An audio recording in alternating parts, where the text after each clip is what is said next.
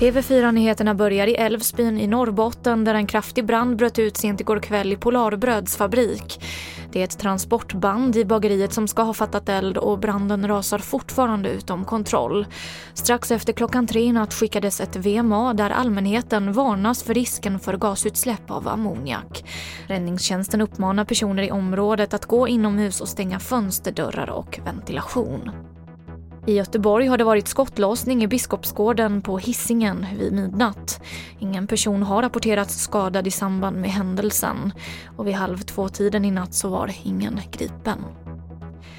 Vi går vidare till USA och delstaten Kalifornien där nästan 600 skogsbränder härjar och minst sex personer har omkommit. Det torra vädret, höga temperaturer och blixtnedslag försvårar arbetet för brandmännen. Och nu har president Donald Trump utlyst nödläge i delstaten. Till sist kan jag berätta att flera djurparker i Sverige går med förlust eftersom de tvingats ta in färre besökare än vanligt på grund av coronarestriktionerna. Skansen har tappat mest och även Furuvik, Kolmården, Borås och Lycksele djurpark har förlorat besökare.